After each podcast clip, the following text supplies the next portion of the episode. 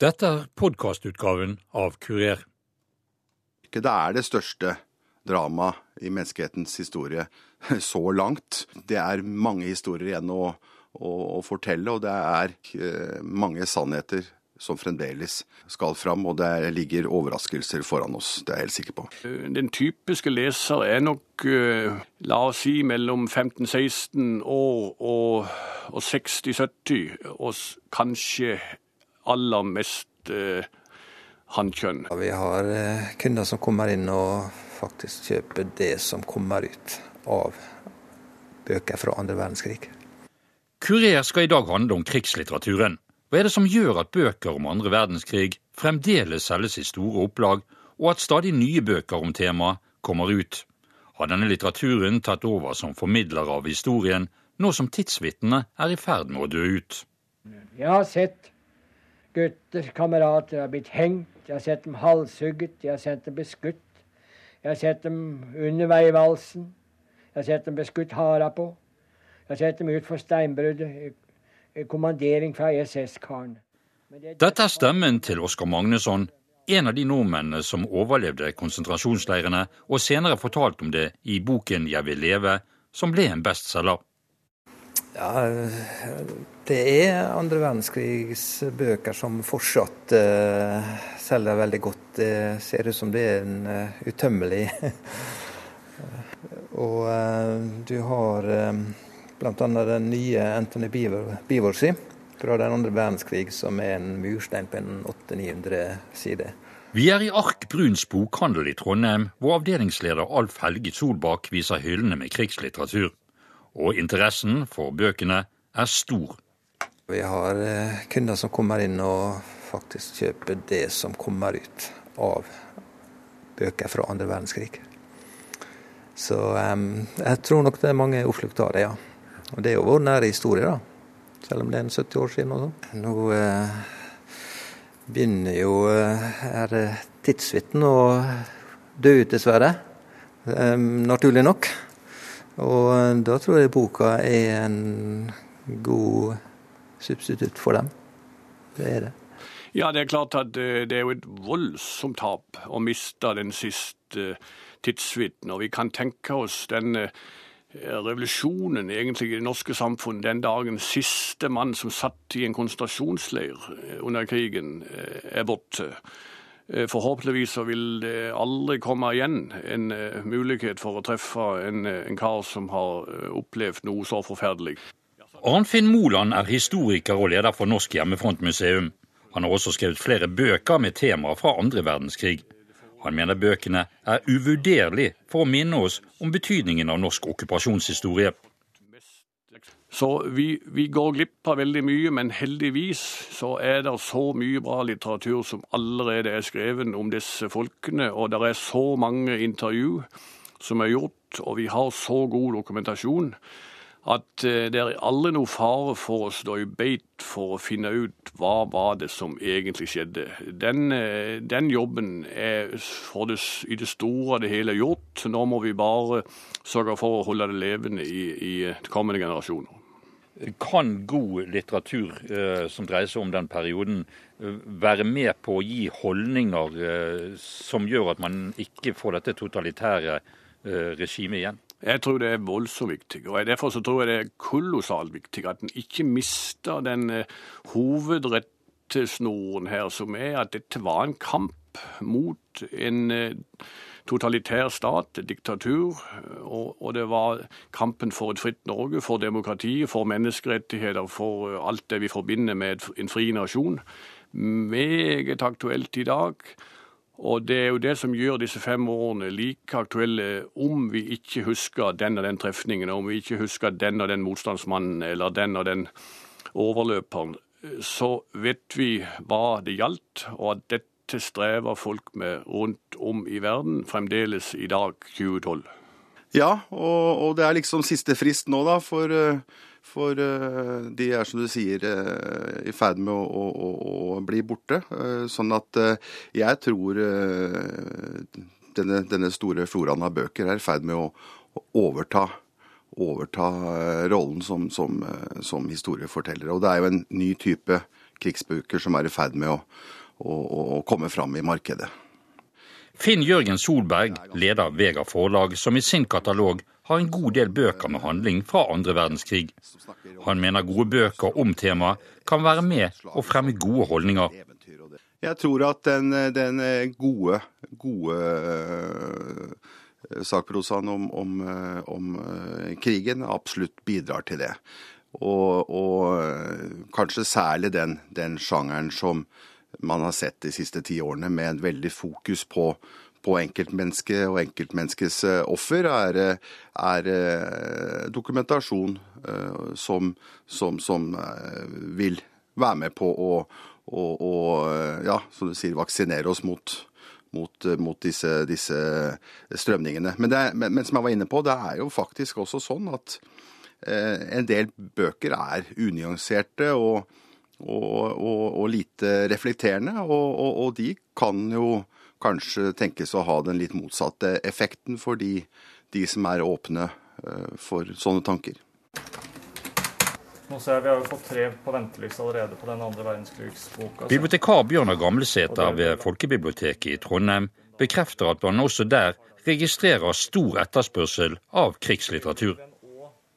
Jeg vil påstå at den er uh, ganske stor. Det er en av de sånn mest Eh, mest etterspurte sjangerne eh, i sammenheng med altså, den er mye etterspurt, krigslitteraturen, og i sånn sammenheng som håndverkslitteratur, og det er mye etterspurt. og Den holder seg noenlunde stabil, etterspørselen på, på krigslitteratur. Dette med at tidsvitnene nå faller fra, betyr det at litteraturen på en måte overtar den rollen som øh, si, fremstående motstandsmenn og -kvinner har hatt tidligere? Ja, altså det, På en måte så gjør den vel kanskje det. Eh, og, men det er den at nå er Ettersom den generasjonen faller vekk, så er det òg altså, den siste sjansen for de å få fortalt sine historier, sine erfaringer. Eh, og det gjør at det er et Si at vi har hatt et oppsving da, de siste ti årene med at, og at nå vil folk fortelle. Og noen har kanskje venta med at omtalte personer har gått bort, før de, tør, eller før de ønsker, ikke tør, så mye tør, men kanskje fordi de ønsker at, av respekt at historien først blir betalt i etterhånd. Men på en annen side så får du òg da den eh, litteraturen som vi ikke hadde for en del år siden. Altså den skyggesiden av norsk krigshistorie. Eh, nordmenn på østfronten eh, og den type litteratur som er mer, eh, mer etterspurt nå. Kurer, P2s mediemagasin. Dere har tatt over hele landet på to måneder. Der er den. Jeg var flau over å være norsk. Du, Kolbein. Takk. Gunnar! Hei. Hei. Kolbein, hils på Gunnar. Hei. Kolbein Sønsteby. Kolbein Lauring. Hei. Har vi fått tak i mange, eller? Jeg har fått tak i noen, ja. Hvor skal vi møtes igjen?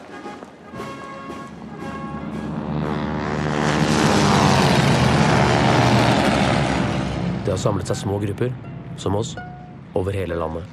Folk som ikke vil innse at kampen er over. Å, der har vi dem. Og som fortsatt tror det er mulig å slå tilbake. Hei! Takk for sist. Hei, Tallak.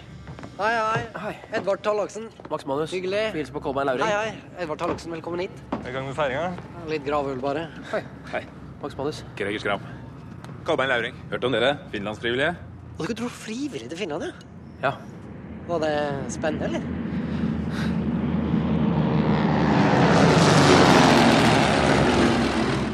Det er jo nyttesløst. Ja. Ikke så lett når regjeringa har kutta ned Forsvaret. Du, hvis ikke Norge har en hær, så får vi bygge en sjøl, da. Vi har ikke folk, vi har ikke våpen. Men det er jo ikke det det handler om. Ja, hva er det det handler om, da? Sende et budskap. Men akkurat nå er det millioner av nordmenn som tenker og følger nøyaktig det samme som oss. Denne krigen er jo bare så vidt begynt. Det er jo nå vi må vise at kampen ikke er over. At det fortsatt finnes noen i dette landet som er villige til å slåss. Vi hadde så lyst til å slåss. Å ta igjen. Vi ventet bare på at noen skulle sette i gang. Og det er alltid noen som må gå først. Dette her er det smarteste jeg har hørt noen si siden 9. april. Har du gått på universitetet eller noe drill? Dette var et klipp fra filmen om Max Manus, en av norsk films største suksesser. Har så sjangeren forandret seg fra 1945 til i dag? Ja, mener bibliotekar Bjørnar Gammelsæter. Hva skal vi si, den heltedyrkelsen. Altså, det var de store, det var de kjente, det var de store motstandsmennene som var sentrale. Det var de store Eh, store mennene og de store slagene og litt sånne ting som var sentralt. Utvikla seg kanskje altså, eh, videre at vi tok et oppgjør med krigsseilerne. At de fikk sin rettferdige plass i, eh, i framstillingen. Den kom jo. Og så har det da mer utvikla seg nå med at eh, du har lokal, regional, regionale handlinger som eh, er sentrale. Lokale personer med sine historier eh, i sitt nærmiljø. Og nå i det siste at du har fått, fått eh, den andre siden. Altså du har fått eh, folk som var, på, var under NS, og folk som kjempa på østfronten, og har turt å stå fram og fortalt sine historier. Historiker Arnfinn Moland er enig i at krigslitteraturen har forandret seg i de årene som er gått siden andre verdenskrig. Ja, det kan du godt si. Det er klart at I starten så visste folk veldig lite uh, her i Norge om uh, hva som hadde vært aktiviteten for de såkalte uh, motstandsfolk, og selvfølgelig også de som hadde gått i, i tysk tjeneste. Vi fikk jo f.eks. veldig tidlig Max Manus sine bøker. Vi fikk veldig tidlig boken av Osvald, altså Asbjørn Sunde Eh, de er prega av, av det, at de er skrevet veldig fort etter krigen. Og eh, ville nok ikke ha eh, nødvendigvis passert i dag på samme måte. Men så kom det jo en bølge senere. Vi har jo f.eks. Gunnar Sønsteby's bok på, fra 60, 61, som jo er forbilledlig i sin bruk av kilder, og, og den er korrekt og ryddig så uh, får vi jo etter hvert også disse større faglige verkene. Så det er klart at uh, det har skifta karakter, men, men, det er viktig at vi holder fast på uh, at det finnes kilder, det finnes en, en, historie som er så nær opp til det faktiske som mulig, som jo var gamle, gode professor Magnus Godvins devise. Han sa alltid det. Jeg vil, jeg vil ikke bruke ordet eh, objektiv jeg vil bruke så nær opp til det faktiske som mulig. Og det, det, er det viktige å strebe etter. Og Gjør vi det, så får vi et noenlunde klart bilde av disse fem årene. Hans Otto Føland ved Juridisk fakultet ved NTNU mener at krigslitteraturen i dag er mye mer nyansert enn det den var før. Ja, altså det eh, Det betyr bl.a. at interesseområdet eh, endrer seg noe. Eh, mens i, i første tiåra etter 1945 eh, så dreide så var det så tegna litteraturen eh, tegna ja, litteraturen ofte et, gjerne et, et svart-hvitt bilde. Det var enten helter som hadde valgt rett, eller det var folk da som hadde svikta og valgt feil. Slik at det ble veldig svart-hvitt. Max Manus på ene sida, Henry Rinnan på den andre.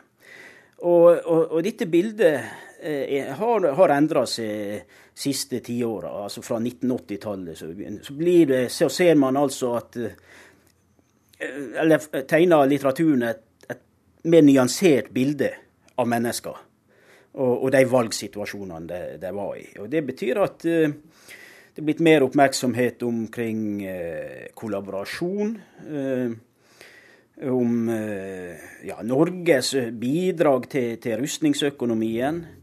Eh, og det faktum at, at, eh, veldig mange nordmenn faktisk var i, var i arbeid for, for tyskerne, for okkupasjonsmakten. Tiltalte nummer én, Henry Oliver Rinnan, dømmes til døden for forbrytelser mot straffelovens paragraf 86, jf. tilleggsanordning av 3. oktober 1941, paragraf 1 Straffelovens paragraf 228 Lagmann Nissen ved Frostating lagmannsrett leste opp dødsdommen over Henry Rinnan under rettsoppgjøret. Rinnan er en av de nordmennene det er skrevet flest bøker om innen norsk krigslitteratur. Men hvem er så leseren av denne type litteratur?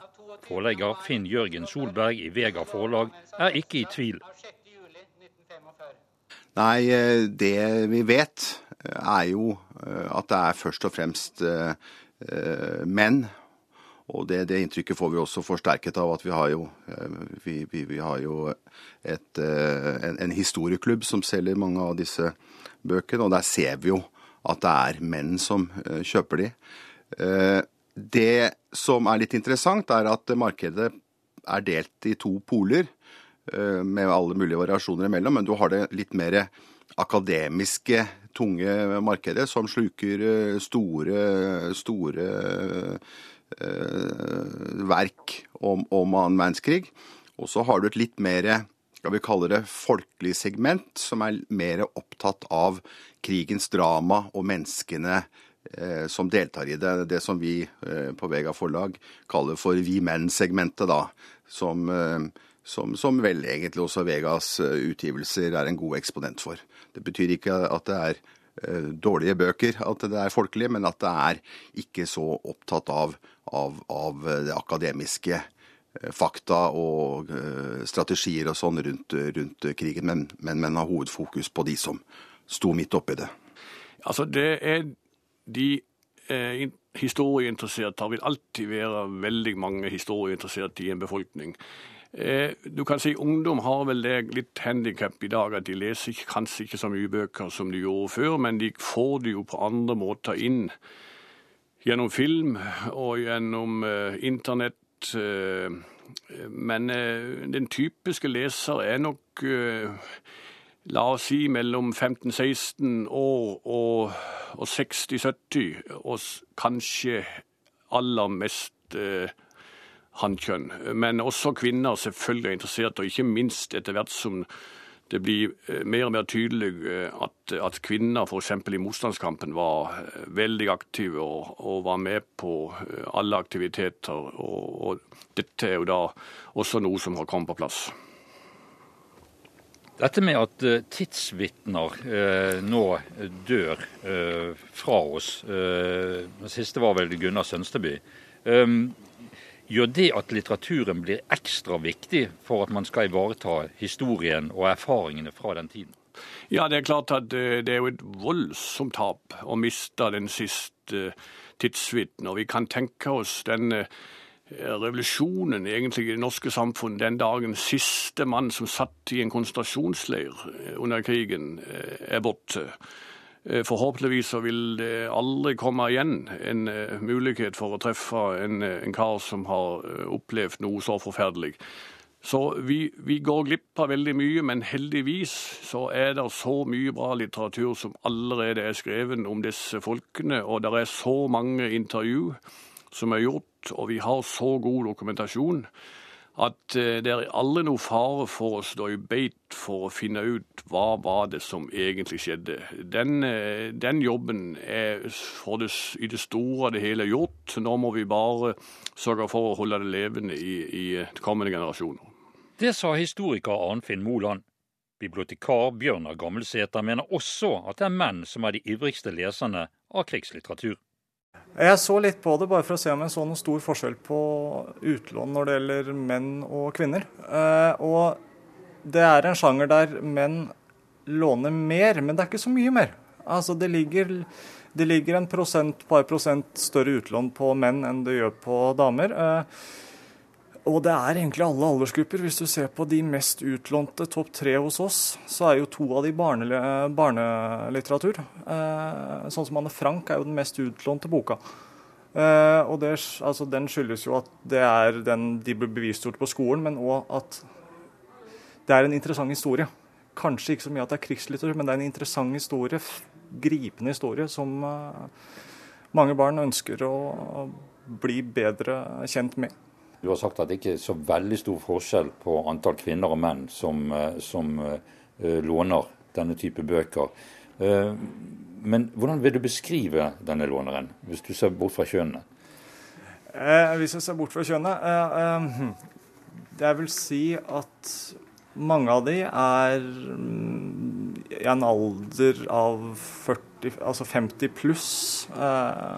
eldre lånere 60-70. altså Gjerne personer som òg har opplevd krigen, var små under krigen. Utgjør, eh, har utgjort i hvert fall en stor del av eh, lånegruppen.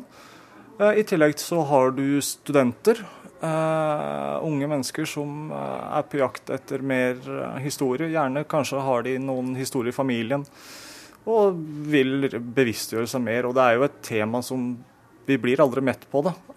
Det er Og det er, det er, det, altså det er, viktig, det er et viktig tema.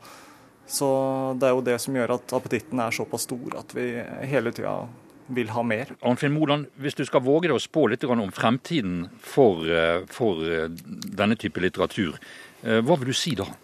Ja, jeg vil derfor først og fremst si at nå kommer 2014. Da har vi 200-årsjubileet for, for Grunnloven minus fem år. Grunnloven var satt ut av spill i fem år. Da det, har vi en, igjen en glimrende mulighet til å, å, minne om dette fundamentale i det norske samfunn. Så har vi jo 2015, som er 70-årsjubileet for frigjøringen. Så jeg har ingen eh, særlig tvil om at eh, de nærmeste fire-fem år iallfall vil vi fremdeles se masse gode bøker, forhåpentligvis gode bøker, om denne epoken.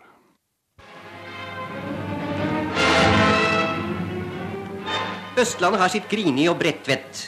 I Trøndelag har man Falstad hvis dystre historie markeres av en rekke massehenrettelser, like uhyggelige og omfattende i sin brutale råhet som det man oppdaget i Trandumskogen. Her er kommandantboligen en elegant innrettet villa. Via Dolorosa, smertens vei, fra Falstad opp til myrene i dødsskogen. De mange korsene som er satt opp etter kapitulasjonen, viser massegravene hvor hundrevis av frihetskjempere fra Norge og andre land ble skutt og gravlagt av Gestapo.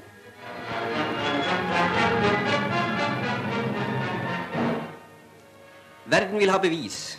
Her avdekkes de tyske grusomhetene. Det er tyske Gestapo-folk som graver. Mannen til venstre er den tidligere kommandanten på Falstad. Kjente NS-størrelser er medhjelpere og vitner. Dette var et utdrag fra Ukerevyen fra 1945, og som viser åpningen av gravene i Falstadskogen. Forlegger Finn Jørgen Solberg har god tro på at interessen for denne så dramatiske perioden i vår historie vil fortsette i overskuelig fremtid. Absolutt. Og, og vi, ser jo, vi, ser jo, på, på eh, kundene våre at eh, vi, vi, rekrutterer jo relativt eh, unge mennesker også, iallfall ned i 20-årene. Så, så, jeg har, har, god tro på at dette er et marked som kommer til å, å, å fortsette med, med, med, full styrke. Det er det største dramaet i menneskehetens historie så langt. Og, og det er mange historier igjen å å, å fortelle, og det er faktisk eh, mange sannheter som fremdeles eh, skal, skal fram, og det ligger overraskelser foran oss, det er jeg helt sikker på. Ofrene var alle bakbundet og hadde bind for øynene. Flere var også bundet sammen to og tre.